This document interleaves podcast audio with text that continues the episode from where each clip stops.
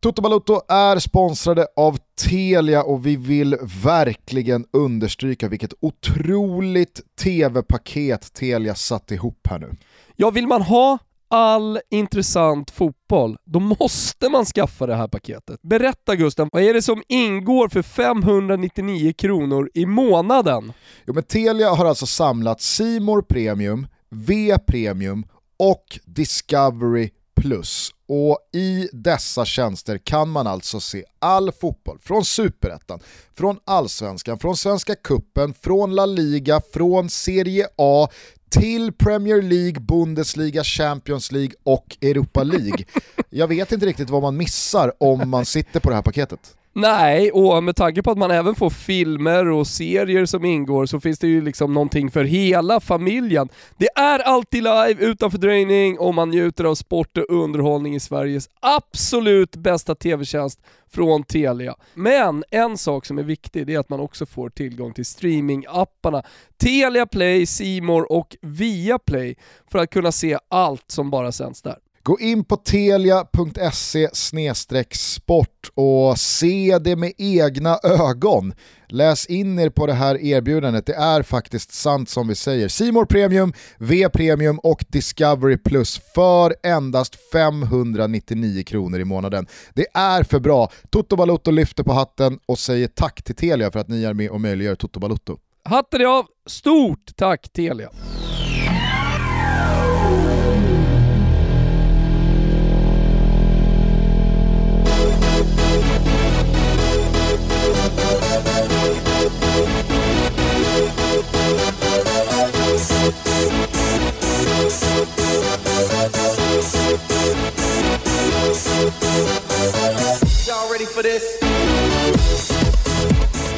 Hjärtligt välkomna ska ni vara till Toto Balotto. Det är måndag den 5 april, tillika annandag påsk. Vad hittade du i ägget, Wilbur José?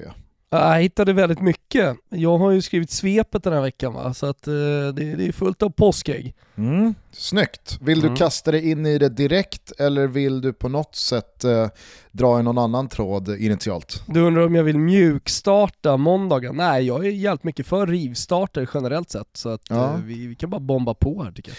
Ja, men då, då gör vi så. Jag, jag ville bara landa i att jag, jag hoppas att du, precis som jag, kände att det här var en fotbollspåsk med väldigt många olika typer av godisar i ägget. Alltså, det, det, jag, jag, vet inte riktigt vad fan jag har för känsla i kroppen efter de här fotbollsdagarna.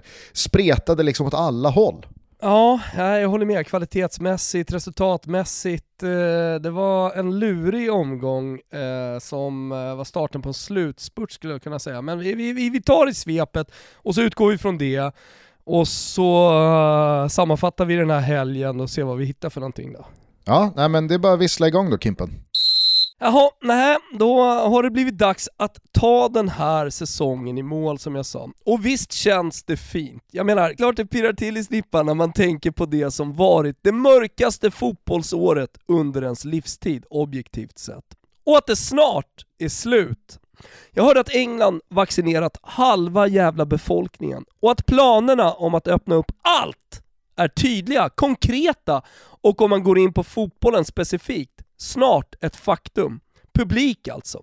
Sverige skulle sköljas över med vaccin i veckan. Sen kommer Johnson. Där behövs bara en dos. Jaha, ni hör ju. Snart är det över. Snart står vi där svettiga, packade som sillar och hoppar med kortväxta på ryggen på det Chelsea pensioner. Snart laddar vi upp med grodlår, sniglar och bordeauxvin på Brasserie George. Snart samlas vi i stora grupper runt om i Svea rike, sjunger upp, laddar på, maxar våra strupar och känner hur livet pulserar genom kroppen. Snart är det över, och den här gången på riktigt. Så låt oss ta det i mål. Spurten mot en smittfri värld inleddes i helgen. Och i England började allt med att Chelsea vek ner sig när West Brom stod lågt och ställde om snabbt.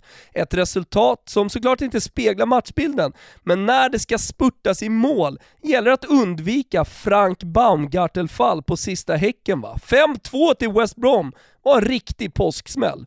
Leeds 2-1 mot Sheffield var en mindre smäll, men ack så viktig för Yorkshire-laget som gör en riktigt fin comeback-säsong. 16 pinnar till nedflyttning, 7 till Europaplats. Tydliga nummer. City roterade, energisparade, men verkar inte gå att stoppa. Eller Peps 7.0 tiki-taka kanske vi ska säga, går inte att stoppa. Dortmund imorgon tisdag, ja vad säger jag om det då? Walk in the park säger jag! Tyson knock och över efter första mötet. Liverpool fick vänta på Diego Jotas inträde innan man fick hål på Arsenal, som går en tät kamp om den ärofyllda tiondeplatsen. Ah, blir det Colonna Destra eller blir det Colonna Sinistra för Arsenal? Spänningen är olidlig. På söndagen vann Soton med Ings i storform mot Burnley. Up the Villa skanderades när Fulham dängdes dit och Spurs, ja, ah, de kan helt enkelt inte försvara en ledning längre. Öppet mål, bollen på rätt fot, bara raka in skiten. Men nej nej, Ingen pole position om CL-platsen. Nej, nej. Och så vann United från underläge mot Pottersäng, men det var en världslig sak. Till påskafton och den italienska fotbollsfesten fick vi några påsksmällar. Om vi fick va. Milan med den ödmjuke Ibra inledde med kryss mot Sampdoria. Äh men helt allvarligt. Gusten, ge mig lejonet, ge mig guden, ge mig gester och Gattuso i en soptunna med huvudet före. Ge mig tillbaka min Ibra! Och på tal om det, Kulusevski, larma om du lever! Nej men allvarligt, det blev en sämre prestation igen för Västerortgrabben i, i Il Derby della Mole. Jove hackar ju och det ser ut att bli drama i säsongsavslutningen nere på Stöven. Helvete, nu börjar vi bli långa här. Vi rappar på, Inter hittade scudetton i påskägget efter 1-0 mot Bologna. Napoli, ja nu är de i kapp Juventus efter en holmgång mot Crotone. Och det blir Il Derby della Capitale om sjätteplatsen. Med Lazio i något slags slagläge efter seger mot Spezia och bara kryss för Roma mot Sassuolo. Det är vad ni får från stöven hörni. Från övriga fotbollsvärlden som vi lite klumpigt alltså bara bakar ihop noterar vi att Lill kopplat ett grepp om den trikolorbepryddda franska titelpokalen. Detta efter 1-0 mot PSG, där Neymar såg rött. Vi räknar inte bort monegaskerna med Stefan Jovetic i spetsen. De lurar i bakvattnet. Och i Atletico Madrids bakvatten, ja där lurar en tsunami! Bensen visade Bensen visade vägen för Real Madrid och ikväll ska Barcelona göra processen kort med Valladolid. Atleti, ja de torskade alltså mot Sevilla och choken, den är ett faktum. Tysken då undrar ni? Jo men visst hade Leipzig sista chansen i helgen mot det stora stygga kakmonstret från Bayern. Och jo men visst blev det som väntat. Seger för Monaco di Bavaria.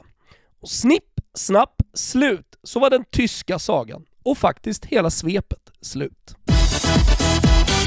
Ja men snyggt, det blev eh, lite som jag eh, förväntade mig. Mycket om mycket. Eh, det var spridda skurar och det var inte bara fantastiska matcher och härliga fotbollsfester den här påsken. Det var, det var jävla mycket annat alltså. Eh, du brukar ju som sig bör eh, utelämna den svenska fotbollen i dina svep. Nu har ju den ja, den svenska säsongen mullrat igång, inte minst igår då med cupsemifinalen, Stockholmsderbyt, Djurgården mot Bayern. Vi kanske kan återkomma till den lite senare. Jag tyckte du tog upp mycket, mycket bra här, mycket spännande.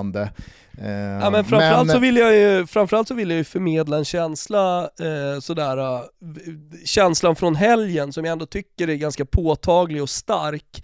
Eh, att efter det här landslagsuppehållet så, så drar våren igång ordentligt. Jag såg det var liksom 25 eh, grader i Bremen i helgen eh, och det är bar Uber på träningarna, spelarna nere, nere på Stöven och Spanien börjar bli solbrända.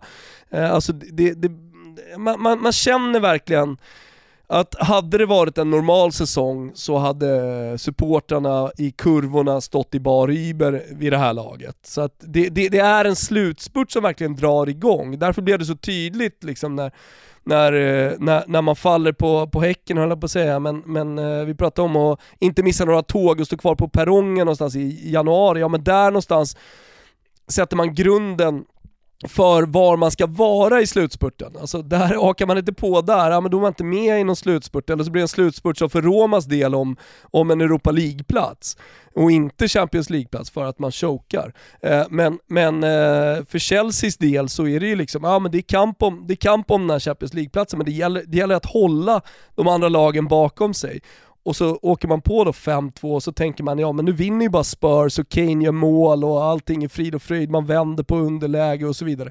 Ändå ska man släppa in det där jävla 2-2 målet i, i, slutet, det är så jävla sjukt. Kan, det, det, det, finns ingen, det finns ingen logik någonstans i det. Klassiska vädergränssnittet Bremen får speltid i Toto. Det gillar man ju. Eh, hörde, du, hörde du eh, Mourinho efter matchen? Han fick ju frågan där mm. eh, från någon ja. reporter. Jag tyckte det var, tyckte det var en pigg, eh, pigg fråga. Alltså, en gång i tiden var du så himla bra på att försvara ledningar. Det var liksom din grej. Och Mourinho svarar bara “Same coach, different players”. Ja, han var inte nöjd med spelarnas prestation, det var han inte. Och det är ju såklart, det är såklart eh, ett ansvar på spelarna, ett stort ansvar på spelarna, men det ligger också ett ansvar på coachen. Det, det är problemet med att vara tränare för ett lag, att du i slutändan blir ytterst ansvarig för, för resultaten, alltså både på gott och ont. Vinner du, ja då kommer du hyllas, förlorar du, då kommer du sänkas. Spelarna, lite mindre ansvar. Kommer du ihåg det gamla Filip och Fredrik-programmet Ska vi göra slut? Missade jag det eller? Jag kanske bodde i Italien då? Du vet, jag missade ju allt när jag bodde i Italien. Ja, men så länge sedan var det inte. Även fast du gärna Aha. vill att det ska vara. Nej men eh, alltså såhär, eh, ja, jag, jag, vi pratade om det. Alltså, jag missade Nej, ju liksom var, Knutby och Alexandermorden och sånt där. jo, man, det, jag såg någon ja. dokumentär så tio år senare, jaha, fan, ja, vad är det här jag, för någonting? Jag vet. Men Alexander var, det var ju 22 år sedan. Jo men eh. Filip Fredrik har väl verkat i 25 år? Nej, inte 25 år. Men eh, nej, jag skulle väl säga att eh, Ska vi göra slut kanske gick för eh, sju, sju år sedan eller något. Eh, och eh, då följde de ju par i några dagar och var några slags, eh, ja men så som de är, ett, ett substitut till parterapeuter bara genom att vara som de är med att ställa frågor, prata, vara intresserade och vara, vara humana eh, jävla människokännare. Eh, jag, jag, skulle bara dra den parallellen till Mourinho och Spurs. Det känns som att liksom 2021 Mourinho och Spurs är ett enda långt avsnitt av Ska vi göra slut? Där alla vet svaret. Ja, det ska ni. Gör slut bara. Lämna varandra. Det här är så jävla... Det är över. Det, det är liksom så här. Kane är barnet som håller, dem, som håller dem samman. Men i sommar så kommer Kane fylla 18 och bli myndig och få göra vad han vill med sitt liv. Så när Kane lämnar, då finns det ingenting kvar att liksom bygga den här relationen på. Nej. Nej men jag håller med. Det, det, det, det känns som att det, det, måste ta slut på alla sätt. Och jag menar, säger han, säger han så som han säger här nu, då egentligen, hade jag varit president så hade jag sparkat honom direkt. Alltså, jag tycker han har gått över gränsen ett par gånger. Och, och återigen, det finns ju något, no jävla tragiskt med Mourinhos utveckling. Eh, framförallt då eh, som människa kanske, höll jag på att säga, men som coach.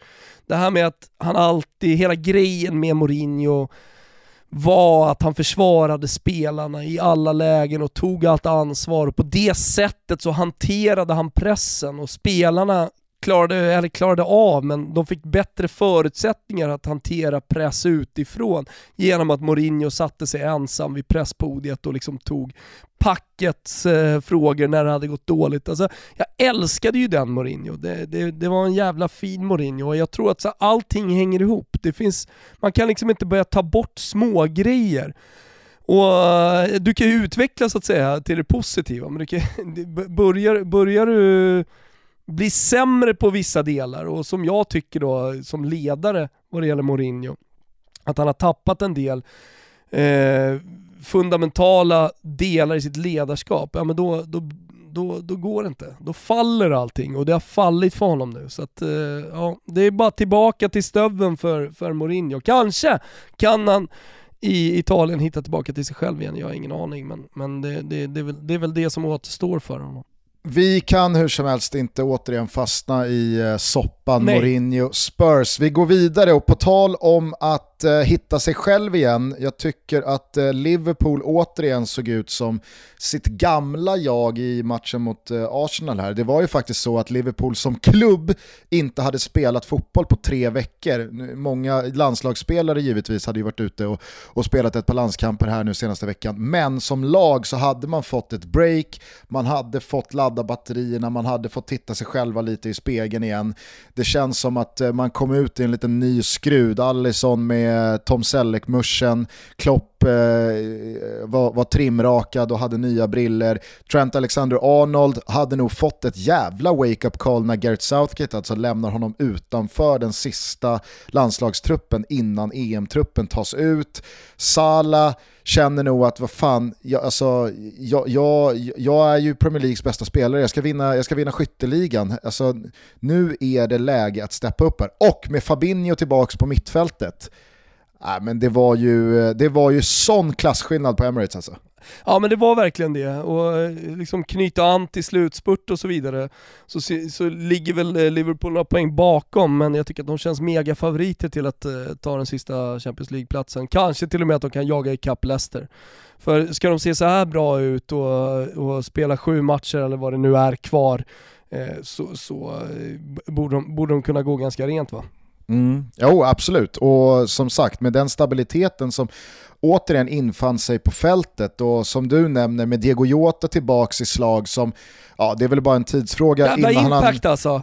Ja, och, och, det är väl bara en tidsfråga innan han eh, startar matcherna på Firminos bekostnad, kanske Manés bekostnad, för att de två, ah, de, de, de ser inte riktigt ut som sina gamla jag, de ser ut som några nya deppiga versioner Men du vet ju hur det är med den typen av spelare, alltså, ytterforwards eh, som hamnar i i svackor och får dåligt självförtroende och inte lyckas hitta mål. Alltså så smäller det en jävla match, sen så är det dubbla kassar i tio omgångar. Det är så jävla sjukt att det, att det är så mycket mentalt på de spelarna. Det känns som att det är de spelarna som, som, som lider mest av eh, mentala svackor.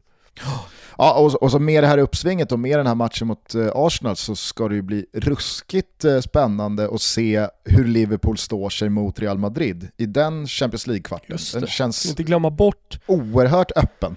Ja, jag kollar lite på Liverpools eh, spelschema. De har ju United kvar eh, som såklart eh, blir en tuff match. Sen får man se lite hur motivationen eh, är för Manchester United där som ser ut att gå mot en ganska klar andra plats. I övrigt då vinner de ju resten av matcherna. Ja, alltså... Ja men du vet, det, det, det är Villa i nästa omgång. Nu med den här formen så, så, så är det väl ingen snack om saken där. Sen så har de Leeds på bortaplan, den vinner de. Newcastle vinner de.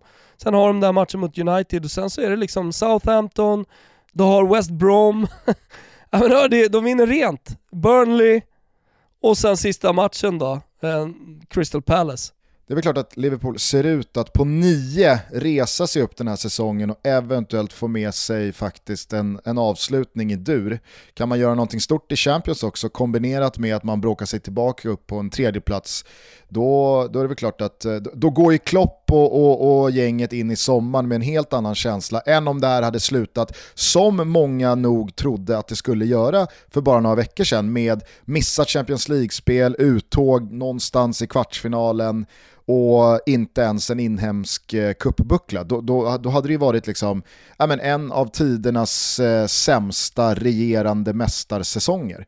Alldeles oavsett omständigheterna med massa skador och tomma läktare och, och, och konstiga liksom, eh, covid-präglar på, på allt vad det heter. Det, resultatmässigt så hade det ju varit ett stort jävla fett IG. Jo, nej, men det är så jävla viktigt att få eh, signaler och, och, och, få känna att ett lag eh, är i form och har självförtroende. Det är inte, det är inte mer än tre veckor sedan som man förlorade mot Fulham och det var alltså en förlust som man följde upp eh, förlusten mot Chelsea med.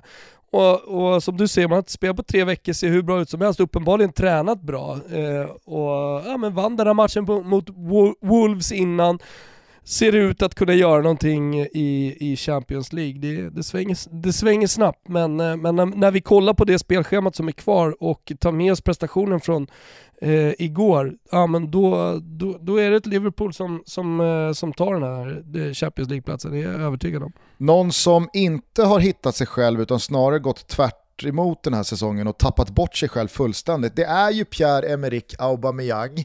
Gabons eh, landslagskapten skrev ju till slut under ett nytt kontrakt med Arsenal efter att ha avgjort eh, Community Shield eller Charity Shield eller vad den nu heter den här säsongen. Och så kände man att ja, det här var nog den pusselbiten Arsenal behövde lägga för att visa att vi är på väg tillbaka mot någonstans som i alla fall påminner om det landet vi, vi bodde i för några år sedan eller för ett decennium sedan.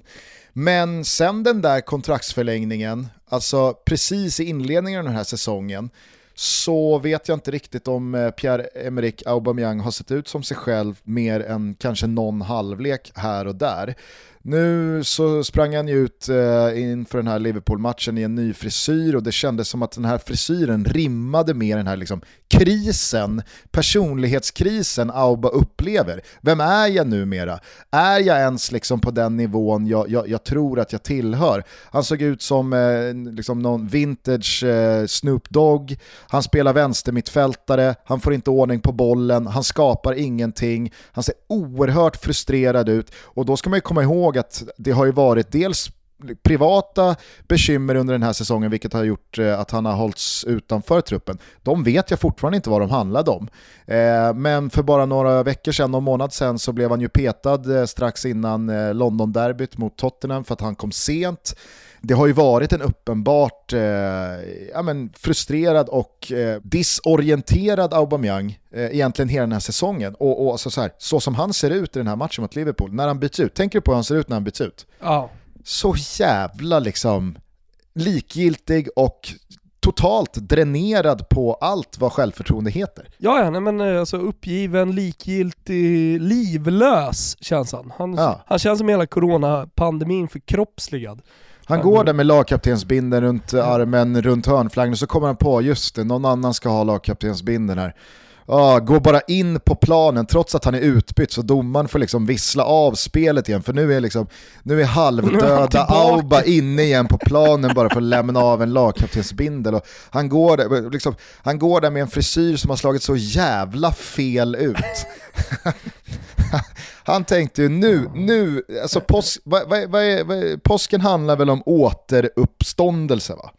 Det, är väl liksom, det är väl hela crescendot på den kristna, kristna bygget av påsken. Att du dör men du återuppstår tre dagar senare. Ja men det är liv. Auba, han, liksom, han korsfästes någon gång i vintras, har nu vandrat och dött i flera månader. Nu var det dags att återuppstå, men fick inte riktigt bort den där stenen va? Nej, han blev kvar.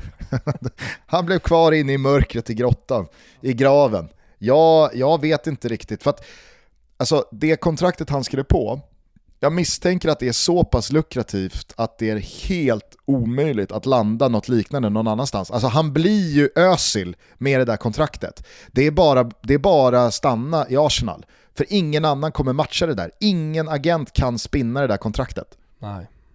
Ah, så att jag tror att Arsenal kan ha satt sig i en jävla sits här med Auba. För det känns också som en spelare som likt Özil, nu vill jag liksom verkligen inte pissa på Aubas moral gentemot klubben och så vidare.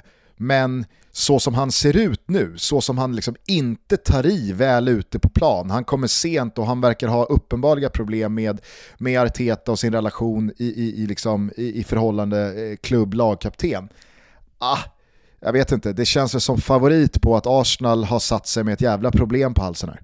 Ja, alltså det är klart att spelare alltid kan återuppstå och jag menar det, det, det är en gubbe som har gjort eh, 22 två år i rad och den här säsongen, vad, vad, står han på, typ 9 eller någonting sånt där. Eh, det, det, det, det, är en dålig säsong, men det är ju en dålig säsong för hela Arsenal. Det ska ju såklart sägas. Alltså, och sen den där positionen alltså. Det är så när man ser när Kane kommer ner på kanten och hämtar bollen. Man, man undrar vad fan det är som händer. Varför står inte en, en coach och bara skriker upp honom? Och, och där har jag Aubameyang. Alltså fan, varför spelar han inte nia? Jag, jag, jag, jag kan inte köpa det. Jag Kommer aldrig kunna köpa, han är inte Thierry Henry. Även om eh, någon nostalgisk Arsenal-supporter, eller Arsenal-supporter, men Arsenal-ledning kanske vill få det till att han ska vara eh, Thierry Henry så kommer det in från kanterna. Upp med han på topp bara! Spela på ett annat sätt då, sätt två gubbar, sätt en lite släpande. Jag, jag, jag kommer aldrig kunna köpa Aubameyang långt ut på en kant. Han ska vara nära mål, för det, han ska göra mål, han är en bomber. Ja, jag, jag, jag håller med dig. Det, det är en av de längsta uppenbara felanvändningarna av en klassspelare ja. man har varit med om, som Arteta håller på med. Men jag suckar varje gång jag ser Lacazette på topp och Aubameyang ute på en kant och det där trötta 4-2-3 uppställningen. Ja. Jag, jag, jag, jag, vet inte fan vad det ska bli av Arsenal, Aubameyang och hela den här situationen. För det, det, är, det är illavarslande och insatsen eh, både kollektivt men också individuellt från Auba mot Liverpool, det tyckte jag var liksom så här. Så där kan det inte se ut efter två veckors break. När Arsenal ska liksom, ja men på sitt sätt göra en bra avslutning av den här säsongen. Sen kan folk prata hur mycket de vill om att jo men deras bästa chans eh, till att spela Champions League nästa år är att vinna Europa League och ja visst men du kan fortfarande inte gå ut och se ut sådär. Alltså såg du, såg du Dani Ceballos insats? Ja ja, ja men det, det är hädiskt. det är, det så dåligt så att, det är så dåligt så att eh, jag vet inte vad jag ska säga. Det, det, det, det är också ett lag som har satsat. Alltså, det, gamla Wenger-grejen, liksom, att, inte, att inte lägga ut några pengar. Okej, okay, det kanske inte går att jämföras med Manchester United eller, eller City, men det är fortfarande eh, Pepe för en eh, 80 miljoner euro. Thomas, vad köpte han för, köptes han för? Liksom, hur mycket pengar som helst centralt mittfält där man har då identifierat att det saknas någonting. Eh, och så förlängningen av Aubameyang, en bomber som har gjort, ja men som, som garanterar normalt sett över 20 pytsar i, i eh, Premier League. De varslade väl 50 pers också för att ha råd med Williams kontrakt? Nästa gubbe. Så att, jag menar, det, Plocka in Ödegård där nu i vintras också. Ja men så kommer Ödegård in, vi pratade om honom, han såg fin ut där eh, inför, innan uppehållet. Så det, det, det, det, är klart det satsas liksom. Så det, det är ett monumentalt misslyckande och en monumental fiaskosäsong tycker jag. Nu är vi igång Gusten, nu är det golvveckor och eh, vi är igång på kontoret. Ja, vi har fått nytt fint golv till vår nya studio. Till riktigt bra pris såklart borta på K-Rauta. För när det är golvveckor, ja men då är det såklart eh, 20% på utvalda golv, riktigt bra priser överlag, men också projektplanerare som hjälpte oss och som är redo att hjälpa dig med planering och materialberäkning. Jag skulle kunna här kort bara voucha för den otroligt höga nivån Coreoutas K-Rautas projektplanerare och deras proffsgubbar faktiskt håller. Jag var själv ute hos Coreouta K-Rauta i Arningen för några veckor sedan och fick hjälp med mitt altanprojekt. Nu kanske inte altan är liksom så klockrent golv, men det är ju ett visst typ av golv det också.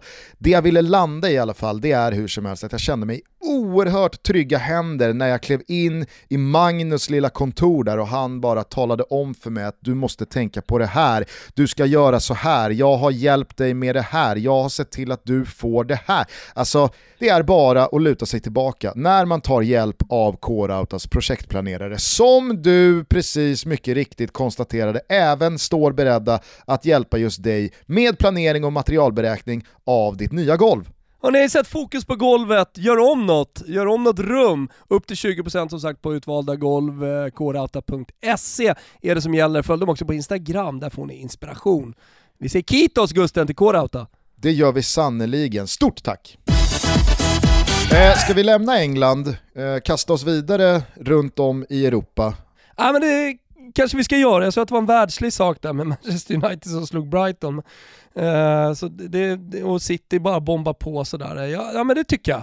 Det var väl, det, det, var väl ganska, alltså, det var väl ganska eh, säsongstypiska insatser från båda de lagen. City visar klassen, gör vad som behövs, roterar fem gubbar och lånar knappt ut bollen, vinner med 2-0, ingen fara på taket, tre nya in på kontot, medan United återigen i klappkassa, vinner ändå på något jävla konstigt sätt. Och, och, och Ole Gunnar liksom Eh, lyckas eh, eh, vända på allt som är dåligt till att någonstans stå där som, som, som segrare efter slutsignalen. Så att skit i det, vi tar oss till Italien istället och som du sa så hittade ju Inter scudetton i påskägget även fast eh, man har vetat om att det, det hade slutat med, med, seger ganska länge nu i och med att eh, ja, men Juventus och Milan har inte vad som krävs för att ut, utmana inte när de bara vinner och vinner och Atalanta och Napoli har varit för långt efter från början.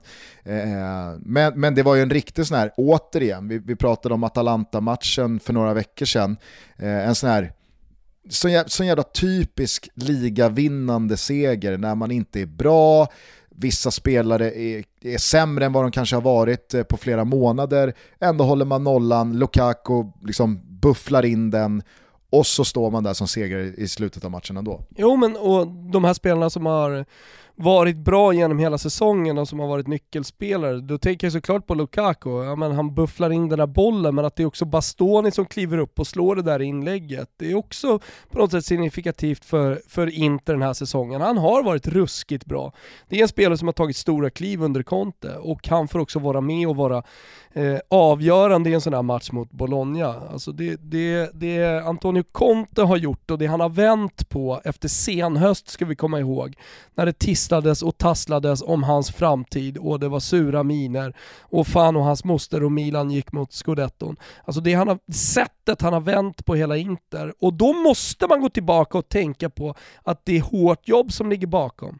Alltså det, det, man, man, får inte ta för lätt på det Antonio Conte har gjort och, och prata om att Juventus är usla och att Milan minsann inte ska vinna scudetton i år. Alltså det hårda jobbet nere på Appiano Gentile, nu heter det väl Moratti, vad vet jag, men eh, på träningsanläggningen. Alltså det är det som är grunden till det här. Man har gnuggat på, man har hittat rätt genom hårt arbete. Och det, fan sånt där, sånt där gör någonting med mig. Ja. Och, och framförallt så känner jag bara mer och mer med Antonio Conte vilken jävla tränare han är. Och det kändes ju också eftersom de hade fått med sig ganska gynnsamma resultat tidigare under lördagen att scenerna efter slutsignalen också var att till och med Conte kände att det här är klart. nu, nu är det klart, det här sumpar vi inte, det går liksom inte att sumpa. För att... Och det märktes på de sista 20 minuterna tycker jag i den här matchen, det var som att man spelade lite krampaktigt en, en final och man skulle bara liksom för allt i världen hålla fast vid resultatet. Jag tog ett tag innan jag fattade vad fan de höll på med och vad som hände ute på planen. Det var egentligen först efter slutsignalen som, jag, som det gick upp för mig att ah, de spelade final om scudetton här, det var det som hände. Nej men verkligen, jag, jag, jag håller helt med dig i de intrycken. Och som sagt, insatserna som konkurrenterna hade bjudit på innan var ju, alltså, jag ska inte säga att jag var chockad chockad.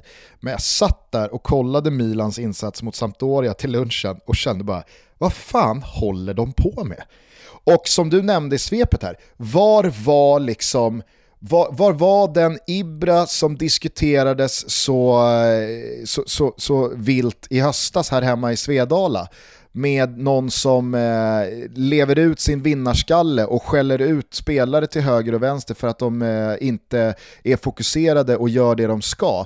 Var, var, var den spelaren han själv satt och beskrev i Guldbollen-intervjun med Nivat? Så här är jag, jag vill vinna, det är det enda det handlar om. Och jag tolererar inte att liksom, folk tummar på att man gör allt man kan med 100% fokus i matcherna som vi spelar.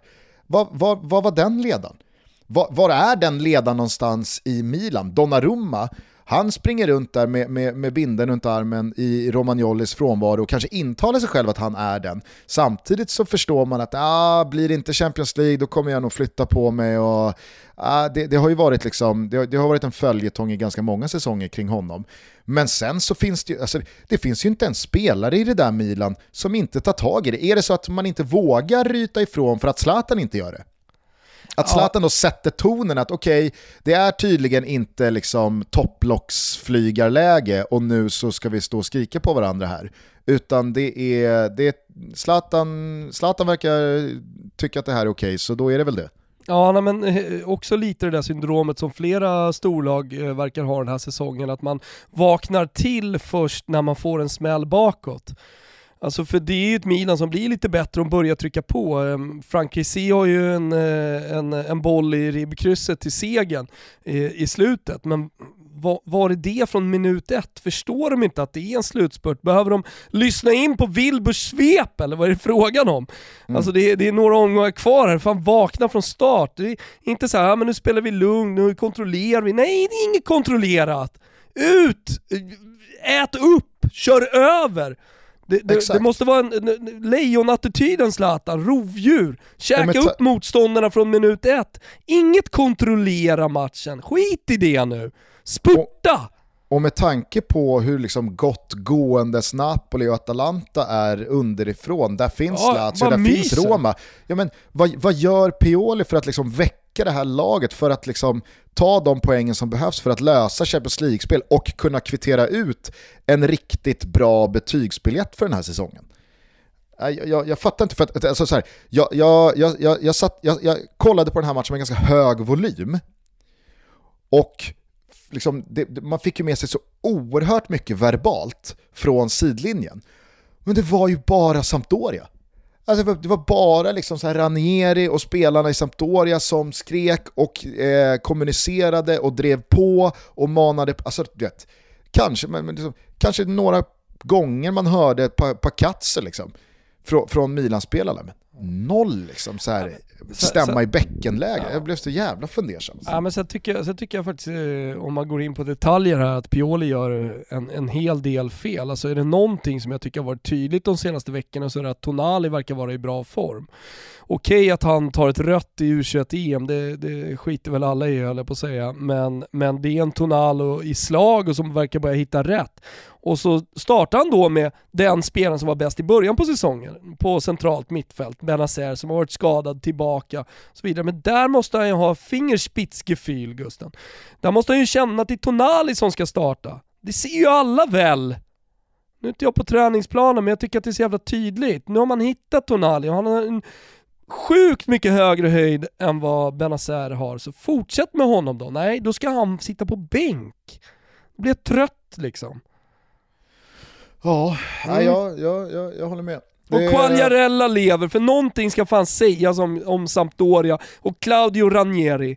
Den gubben dör aldrig heller. Han fortsätter att övertyga, vinner guld i England, kommer tillbaka till ett trött Sampdoria med en ägare som ska eh, ställas inför rätta och det verkar vara lite kaos i klubben. Ja, men då bara ser han till att skapa ramar och tydlighet och alla förstår precis vad de ska göra i Ranieris organisation. Och då blir Quagliarella fortsatt då den här spelaren som är tungan på vågen, sätter den här baljan. Man har Albin Ekdal bort borta inför, men det spelar ingen roll. Kliver Torsby fram, fan vilken säsong han gör då under, under Ranieri. Det verkar ju vara så att det är under Ranieri man vill vara. Det är han som är trampolinen ja. i fotbolls-Europa. Nej, men så mycket bra han skakar ur också spelare man kanske har räknat bort. Quagliarella nämner du, du har Kandreva, Keita Balde, alltså så här, han får ja, ut men... så jävla mycket av spelare som har det någonstans i sig men som kanske upplevs på annat håll som ja, men lite mer utfasade på väg neråt dalande.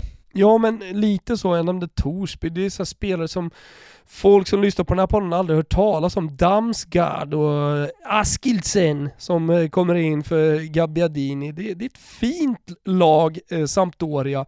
Men utan Claudio Ranieri så är det ett lag som ändå slåss i botten. För det är så det har sett ut liksom. Och det, det, det, det krävs en riktigt bra tränare för att man ska göra det som Sampdoria gör den här säsongen. Så det, är hatten av där. Eh, Juventus fick med sig en pinne mot Torino, jag vet inte fan om jag tyckte de var värda så mycket mer. Eh, och med tanke på allt som har hänt i den där klubben, det har ju varit någon slags corona-restriktionsbrytande hemmakaka med Dybala, Weston McKennie och fan var det mer? Artur va? Ja, det var ju snack om att det var betydligt fler, men eh, i och med att de förmodligen ändå skulle karantänas, va?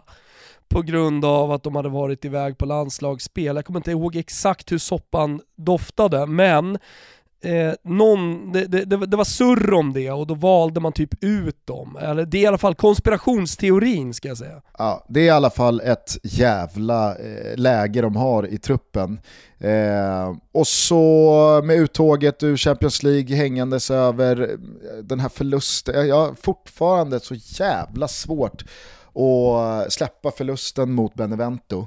Eh, att, att gå ut och, och, leverera här i det läget man är, nu är det inte så att okej, okay, vi, har, vi har nog sumpat ligatiteln.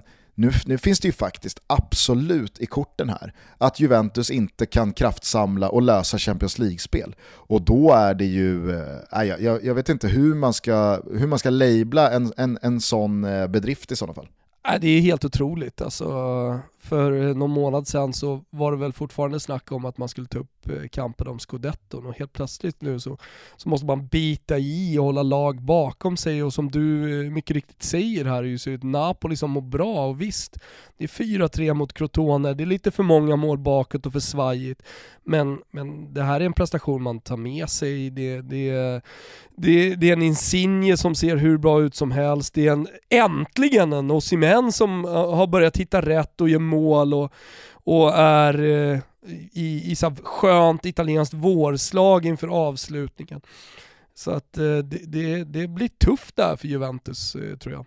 Och hur fint är det då inte att kvart i sju på onsdag smäller mellan Juve och Napoli i den här hängmatchen från i höstas? Ja men det är också en final. Nej men du vet, Napoli in i den här matchen får med sig ett positivt resultat. Nu är alltså så här, april 2021 är inte inte april 2017, när det, liksom, det, det, var lönlöst för, för lag att åka till Turin, eh, åka till Juventus Stadium, eh, för att man visste hur det skulle gå.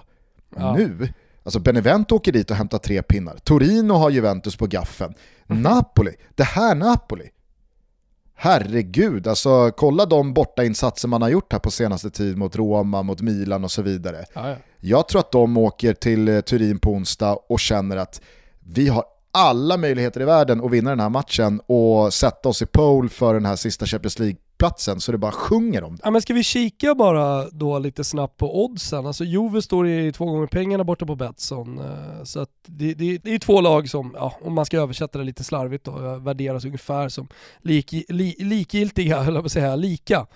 Eh, kvalitetsmässigt. Så att, eh, ja, fan. Vilken match! Var visas den? Den visas på Simor såklart. Oh, snyggt. Vilken uppladdning till Champions League-pipan på onsdag. Alltså, Smarta de är där, eh, italienarna? Jag tror inte det är så jävla mycket smarthet, det är väl mer att de måste, måste eh, från Uefa-håll. Att här kan ni inte gå in och liksom parallellköra med, med en Champions League-kvartsfinal. Men det blir en jävla fight i alla fall. Eh, Juventus mot Napoli onsdag kvart i sju som ni alltså ser på Simor. Eh, vi, vi, vi, lämnar Italien, jag pallar inte prata om Roma, så det kaoset som nej, sker där med nej, Fonsecas eh, tapp av omklädningsrummet och nu är man hux flux sjua.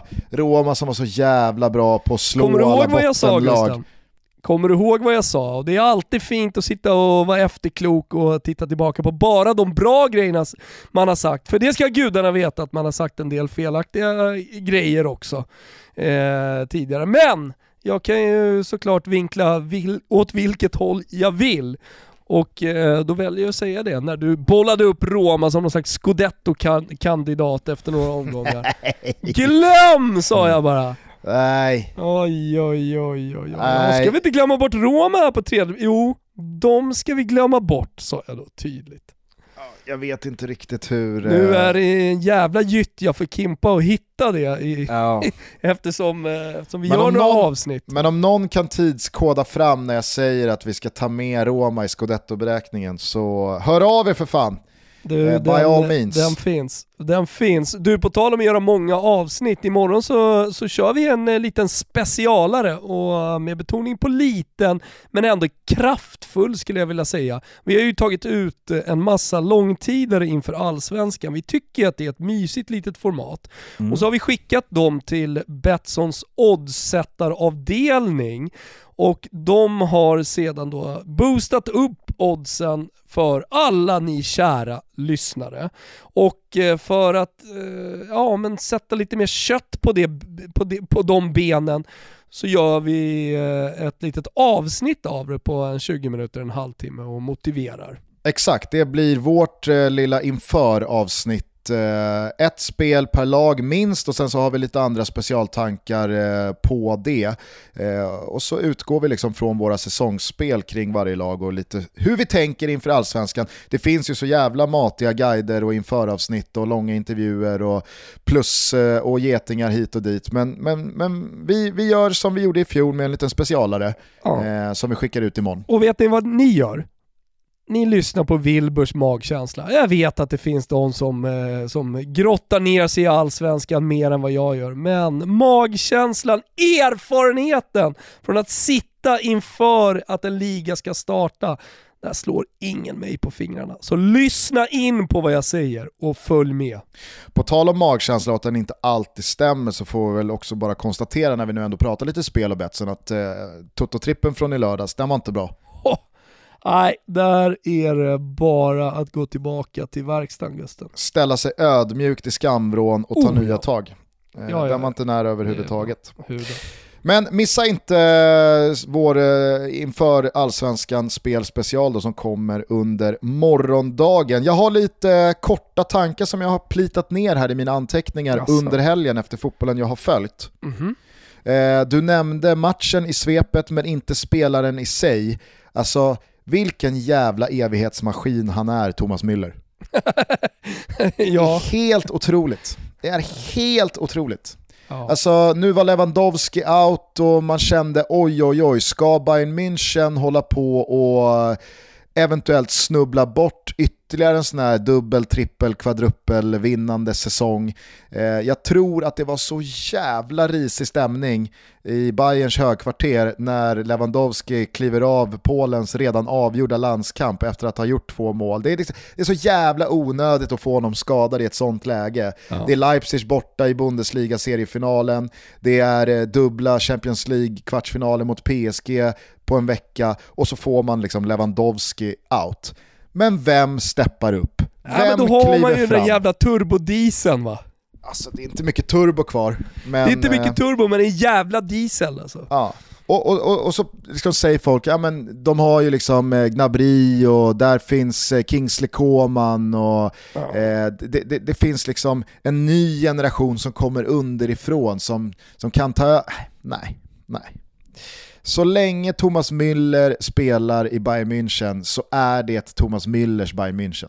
Ja, jag tycker att han eh, på något skönt tyskt sätt ändå förkroppsligar eh, Bayern München.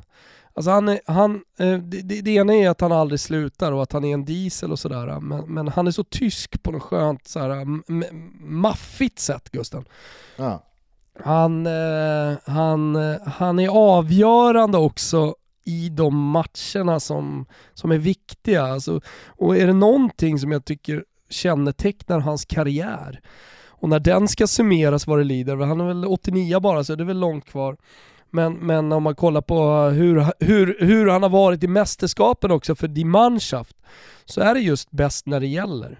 Och det är också tyskt på något sätt att vara det. Nej, men det är alltså, du, vet, du vet att han, han är med och, och delar på skytteligasegern va? i eh, VM 2010. Det är 11 ja, ja. år sedan. Det är ja, han är väl en av de bästa målskyttarna någonsin i VM-sammanhang. Ja, alltså efter 2014 eh, när han typ upprepar samma siffror som eh, från 2010 då kändes det som att fan, nu, det, här kan bära riktigt långt. Men sen så kommer ju flopp 18 då, Eh, och så får vi väl se vad, vad han hinner med eh, efter det. Men eh, det, alltså, det, det, ska bli jävligt spännande att se om den nya förbundskaptenen, vem det nu blir, eh, vågar återintroducera Thomas Müller i landslaget. Ja, ja men exakt. För att jag tror inte det är fel alltså. Han har ju larmat i alla fall. Ja, exakt. Alltså, I'm still around. Mm. Men jag tycker att det var en sån jävla karaktärs... Eh, bekräftande insats från dels Bayern München men kanske framförallt Thomas Müller i den här matchen mot Leipzig där han, ja, men han visar att liksom, folk kan hålla på och noja över att Lewandowski är out hur mycket de vill. vi är fortfarande Bayern München. Det är vi som är det är vi som är bäst i, i, i, i Tyskland, det är vi som är bäst i Europa, det är vi som är bäst i världen. Och kan inte Lewandowski vara här och manifestera det, då får väl fan jag göra det, återigen då. Att det ska ja. vara så jävla svårt. Vem är PSGs eh, Thomas Müller? är det det som är problemet, att de inte har någon? Nej, alltså... Fram till i år så var det väl kanske Thiago Silva som gång efter annan visade liksom klassen i några av de största matcherna och visade att ni, ni, kanske har gått vidare från mig som en av de bästa mittbackarna i världen, men jag är fortfarande här och jag garanterar fortfarande någonting. Marquinhos är kanske den spelaren idag för PSG, men han har ju inte alls samma status och position i världsfotbollen som Thomas Müller har. Nej, verkligen inte. Verkligen inte. Ja, men det, det finns något fint i också att eh, Thomas Müller-typerna är de som avgör i, i slutändan. För det blir ju lätt att man fastnar i Håland och eh, de unga spelarna som är på väg framåt och eh, som eh, liksom stormar mot världsherravälde, Mbappé, PSG och så vidare. Och sen så är det liksom så att Thomas Müller-gubbar kommer fram. För jag hoppas att han avgör hela EM för, för Tyskland och Champions League-finalen. Sen är jag ju en sucker för just den typen av övning. Jag vet om det, men ändå. Nej, men sen så är det väl många som just i den här generationen har fått en jävla nytändning under, jag vet inte om det hänger ihop med coronan, men är det någonting som jag tycker har präglat världsfotbollen senaste ett och ett halvt, två åren, så är det ju att spelare som är en ganska bra bit över 30 har visat att nej men alltså, vi är inte på väg att trappa av. Kanske är det liksom den moderna fysiologin och, och, den medicinska kunskapen och, och, förmågan att kräma ur längre karriärer av kropparna som nu visar sig. För jag menar, tittar man på, tittar man på de senaste två säsongerna, det är ju, det är minst lika många 80-talister som håller jämna steg med 25-23-åringarna eh, ja, ja. i världstoppen. Det är ju snarare 30-plussarna som dominerar och då tänker jag såklart på Messi, Ronaldo framförallt, men Lewandowski, Benzema, Sergio Ramos. Eh, alltså, Zlatan, du får säga. Zlatan är ju ett unikum på sitt sätt, men håll med mig, det är, ju, det är ju en fotbollstid vi lever i där 33 år har blivit någonting nytt kontra vad 33 år var för bara 5-6 år sedan. Mm. Och Thomas Müller är bara inom citationstecken 32. Ja, men det, är en, det är en ny fotbollsvärld. De framsteg som eh, idrottsvärlden ska sägas, men, men eh, specifikt då fotbollsvärlden har gjort eh, rent fysiologiskt, hur man tränar och eh, hur man återhämtar sig. Alltså, det har ju förändrat allting. Det har ju förändrat eh, förutsättningarna. Ju, vi, man, man pratar ju om att barnen som föds idag kommer bli 150 år gamla. Jag har ingen aning om man pratar om 150 år, men man pratar om att de kommer bli äldre i alla fall. Människan blir äldre, så, alltså det, det spiller sen över till fotbollen. Fotbollsspelarna blir äldre, de får längre karriärer. Ja, ja. ja men precis. Och Thomas Müller kanske är bara ytterligare ett exempel på att det är en ny fotbollsverklighet vi lever i. Det, det, det är bara att acceptera den. Det är ingen slump att Luis Suarez och Thomas Müller och Lewandowski och resten av 32 plus-gänget fortsätter vara de bästa i, i, världen. Ja, men om eh, Albin Ekdal hade varit född 74 så hade han ju spelat, eh, och, och, vi backar då bandet till samma ålder, eh, men en annan generation, så hade han ju spelat i Djurgården nu. Mm. Och sen har han avslutat uh, sin, sin karriär. Nu är det liksom så här, men vadå, jag har ju några säsonger kvar på toppen i en av de bästa ligorna. Vilket ja, stämmer! Ja, ja visst. Nej, Jogi Löw försökte korsfästa Thomas Müller för uh, två år sedan. Men gick sådär. Uh, det gick sådär för Lövgubben. Alltså mm. Thomas Müller, han är... Alltså det är helt sjukt, men han är fan fortfarande lite, lite underskattad.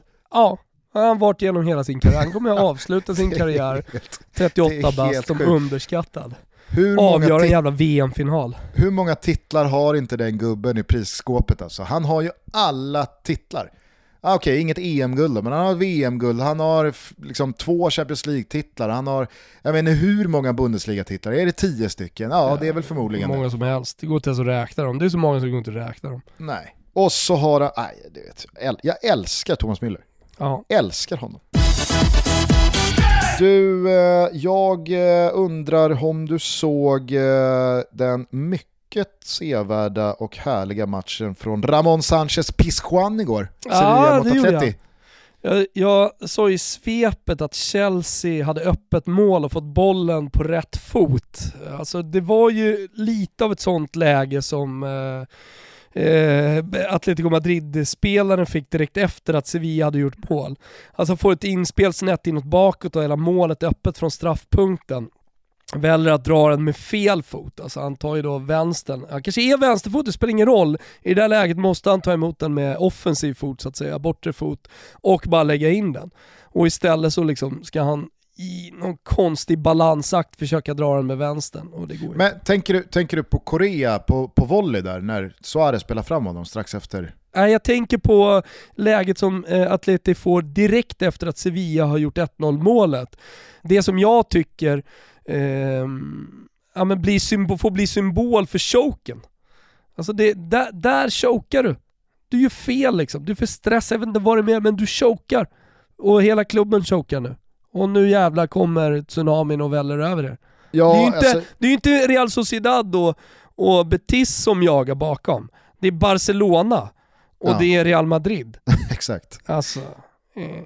Nej men jag, jag, jag, eh, måste säga att jag tycker att Sevilla vinner den här matchen till 100% rättvist. Jag tyckte det var ett lag på banan och det var, det var inte mycket att snacka om. Sen så kan ju såklart Atletico Madrid kvittera med de chanserna de får, men det är ju återigen en taktisk disposition och en, en kollektiv insats eh, som, som är liksom orkestrerad av Simeone som jag känner bara så här, var är självförtroendet? Var är tanken på att vi är faktiskt ett jävla dugligt lag också till att hålla i bollen, till att skapa målchanser, till att pressa tillbaka våra motståndare. Det här var ju lite liksom Chelsea all over again. Jag fattar att Sevilla har inte så jävla mycket att förlora. De har marginal ner till femteplatsen, de är utslagna ur Champions League, de kan lika gärna tuta och köra, för det är inte så jävla mycket som kostar. Men Atletico Madrid vet ju att torskar vi här ikväll igen, ja då kommer förmodligen Barcelona ha käkat ikapp tre poäng på oss, Real Madrid har redan gjort det.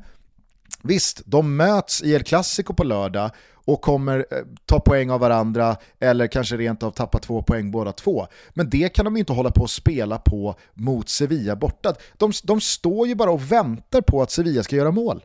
Mm. Går det inte att applicera lite Milan på taktiken eller inställningen just igår på Atletico Madrid? I övrigt inga jämförelser. Men, men att man vaknar till först efter att Sevilla gjort mål.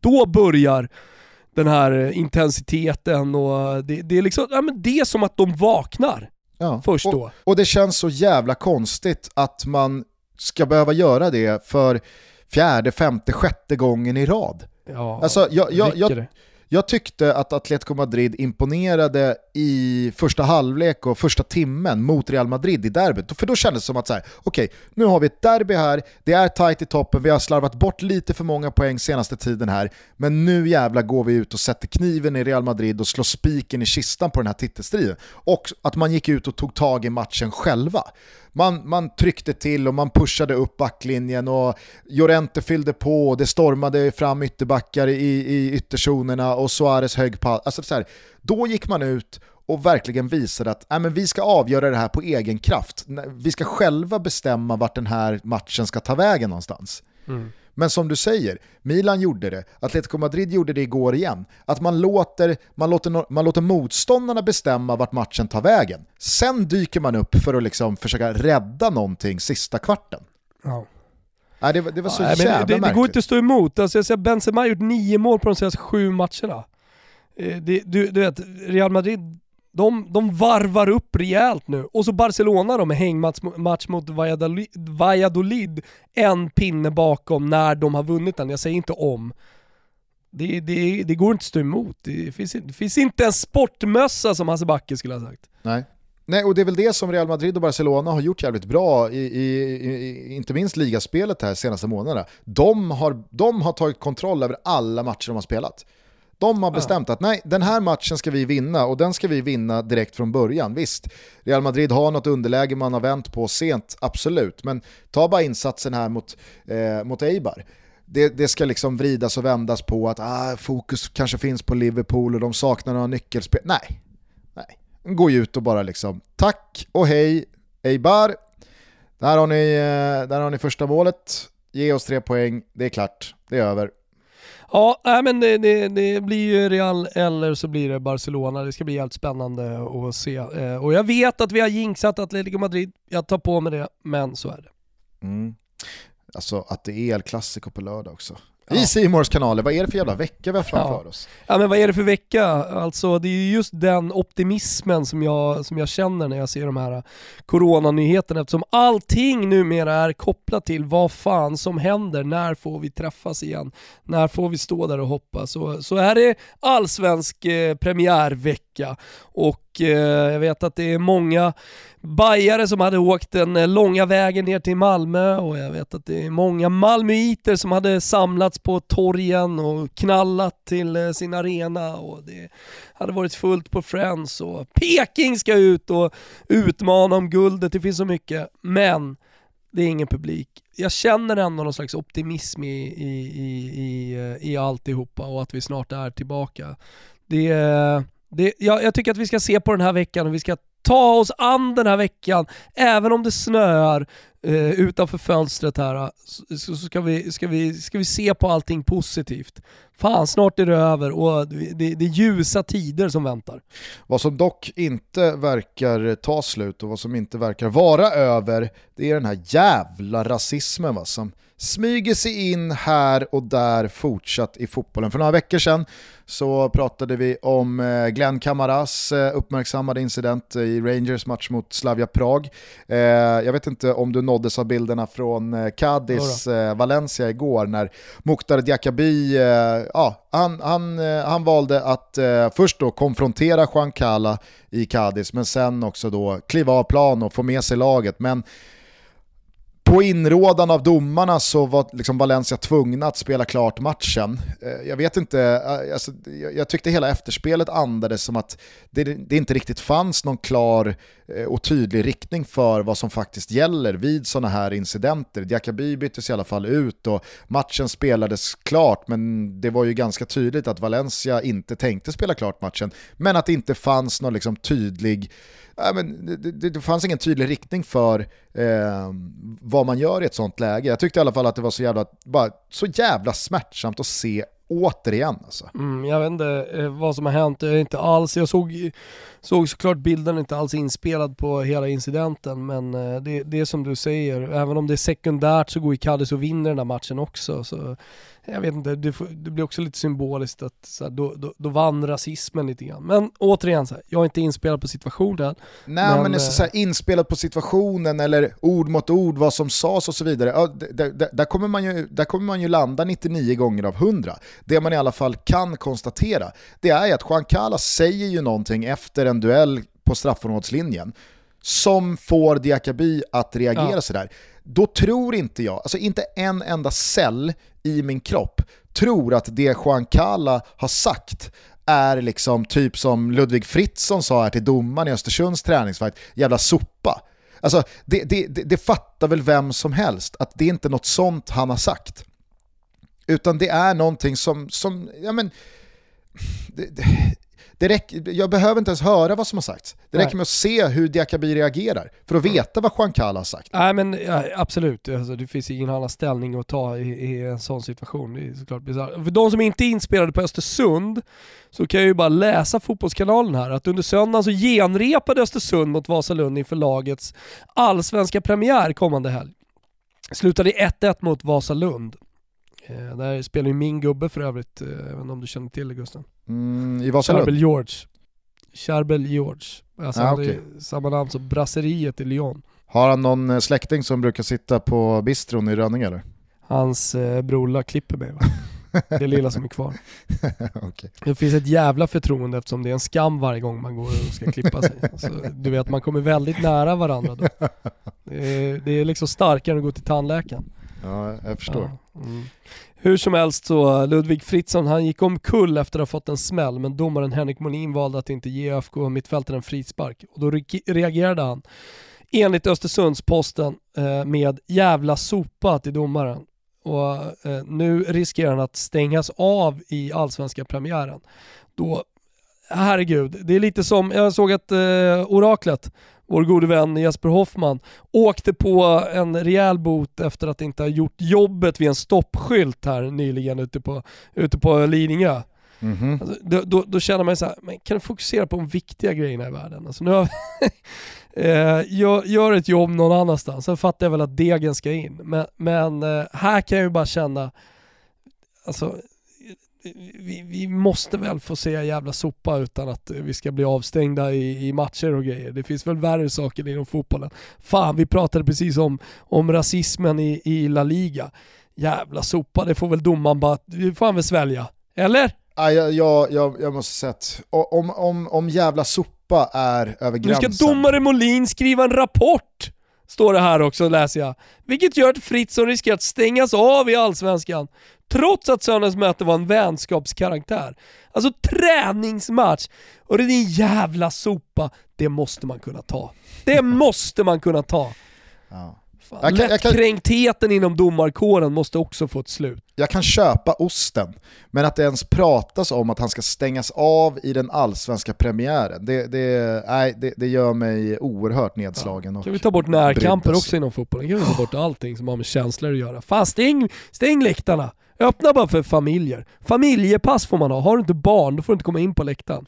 Det blir någon slags eh, lång och rörig gulasch eh, i, i, slutet av eh, detta avsnitt. Dels då så har vi ju eh, rasismen i La Liga, men även då att Ludvig Fritzson eventuellt ska stängas av i den allsvenska premiären. Avtoppat då med det kanske största hjärnsläppet, mig veteligen i alla fall, eh, som jag kan minnas inom den svenska elitfotbollen eh, senaste åren.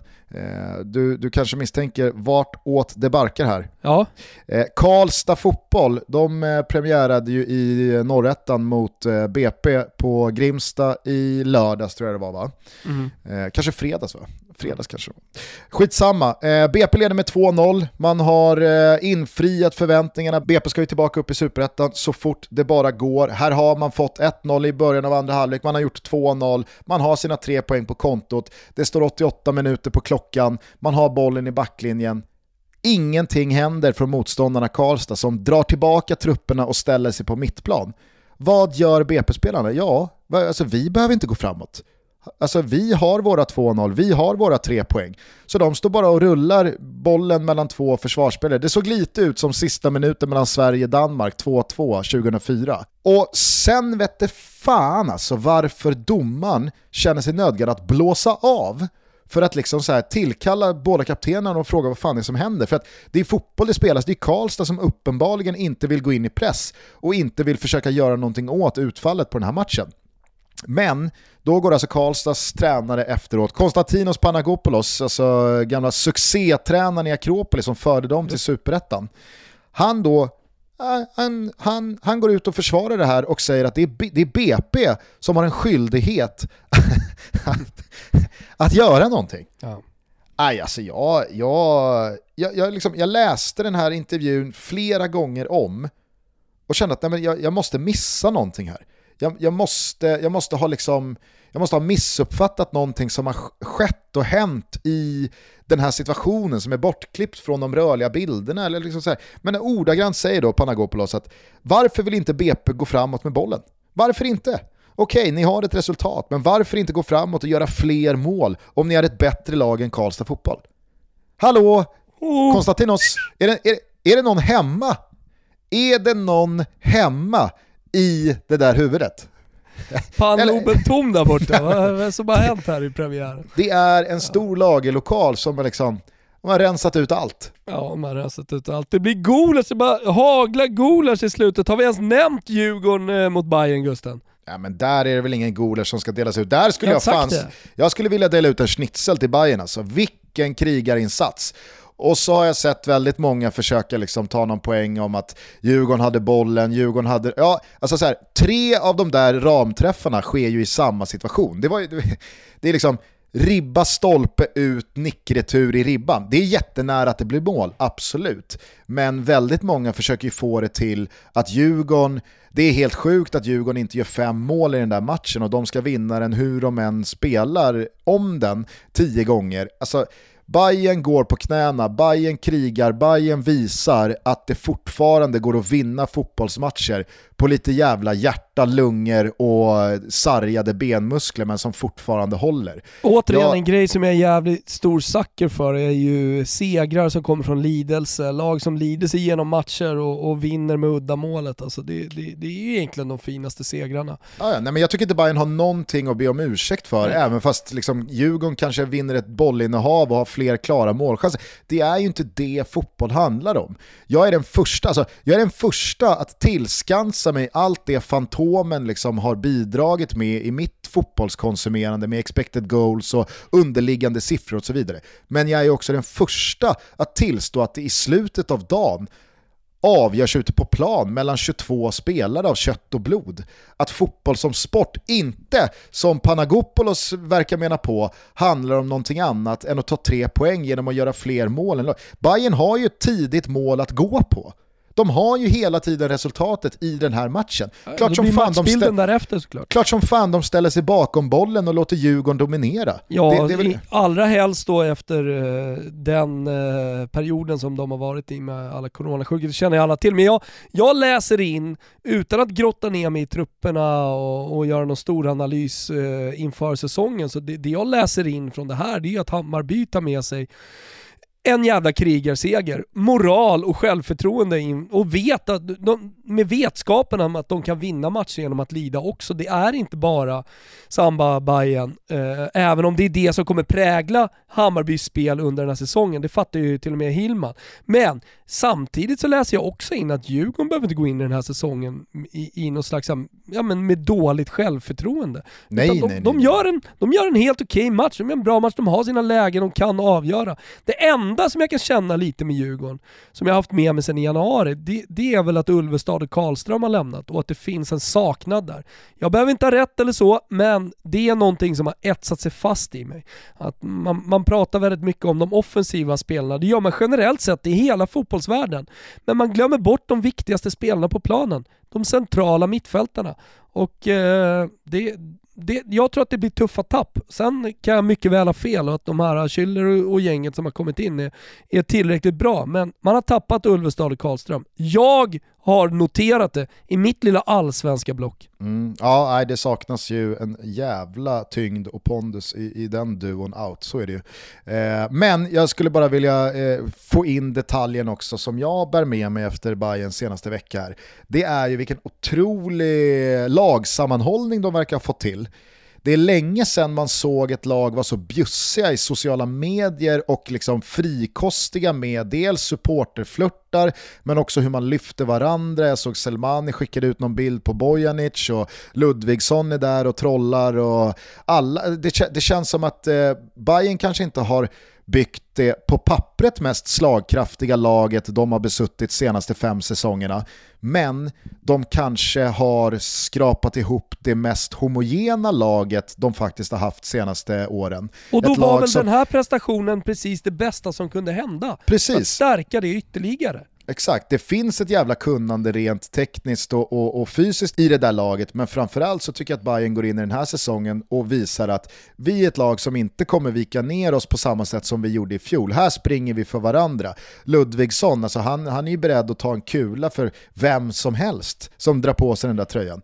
Det, det, det kan räcka jävligt långt och jag tycker att liksom eh, Selmani kanske förkroppsligar det jag pratar om allra främst mm. som spelare. Att det, det, det, är en spelare som bevisligen kan ösa in poäng i allsvenskan. Han besitter en jävla högsta nivå rent individuellt, men han går rätt in som en pusselbit i laget också. Lyfter andra, pushar, manar på, springer och liksom snackar inte som, ja men som typ Djurdjic, om du förstår vad jag Nej. menar i skillnad. Utan Absolut. det är en helt annan approach och framtoning. Står vi där igen då? Var? Ja, att Bayern ska vinna SM-guld. Nej. Nej, det sa, det jag sa jag. fråga bara. Det sa jag verkligen inte. Ja, vi får väl se imorgon när vi eh, lägger ut våra allsvenska specialer. Uh, vi kastar gulasch till höger och vänster här, därför får du en sista gulasch. Läste Rodic efter matchen, han undrar hur i helvete Djurgården kunde vara sådana favoriter. Och så fortsätter han och säger, ja men vi spelade 120 minuter i torsdags, men det saknar betydelse om du är vältränad. Jaha, eh, undrar Laul då. Men vad då? Djurgården, var inte de det bättre laget? De hade ju stolpar och sånt där. Det har i och för sig inget med saken att göra. Utan det är i meningen efter han har sagt att det saknar betydelse om man är vältränad att ha spelat 120 minuter i torsdags med corona i hela jävla systemet. Så säger Rodic, jag kan hålla med om att de missade chanser att göra mål. Men om du tar med i beräkningen att vi spelade 120 minuter i torsdags och inte gjorde så många ändringar. Vad fan har det ju betydelse Rodic helt plötsligt? Du säger det ju själv. Herregud alltså. Oddsättaravdelningen på Betsson, ni behöver inte ringa Odd Rodic. Nej. Nej, eh, undvik honom när CVt kommer in. Konstantinos Panagopoulos och Vladimir Rodic i en rumba i en stor tom lagerlokal där det bara susar och ekar. Ja, så är det. Där står de och pushar varandra med helt obegripliga citat.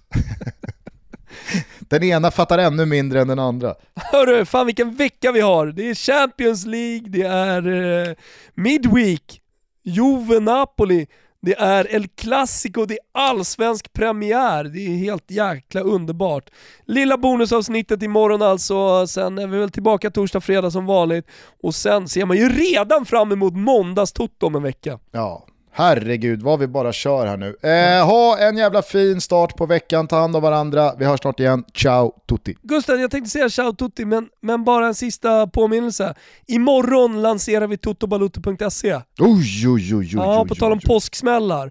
Så på gå tal om in bra redan... veckor. Ja, det är nedräkning. Om ni går in på totobaloto.se så är det nedräkning och där kan man då eh, skriva in sin mailadress så, så missar man ingenting av det vi håller på med. Du vet, det kommer ju EM-specialer, eh, eh, Tutski Balutski ska, ska, ska, ska lanseras inför EM och hur mycket som helst. Vi har lite gäster på väg in. Och det kommer skrivas en jävla massa bra texter uh, på, på vår nya sajt. Så missa ingenting, signa upp för nyhetsbrevet, gör det nu och så hörs vi väl snart. Yes, ciao tutti! Ciao tutti! Titta, här står en manik som ser rätt konstig ut. Det är en jättestor mojäng med en förnicklad strut. Här är kugghjul och propellrar så vitt jag kan se. Kanske du kan vara så hygglig och förklara vad det är? Jo, alltså strömmen kommer in genom hålet där och går sen vidare till verket fram till motorn här som får driva den här cykelpumpens piston som sen blåser på propellern så propellern går igång. Det går hit, startar på ett kick. Det är makalös manick. Jaha, jaha, jag tror jag fattar men...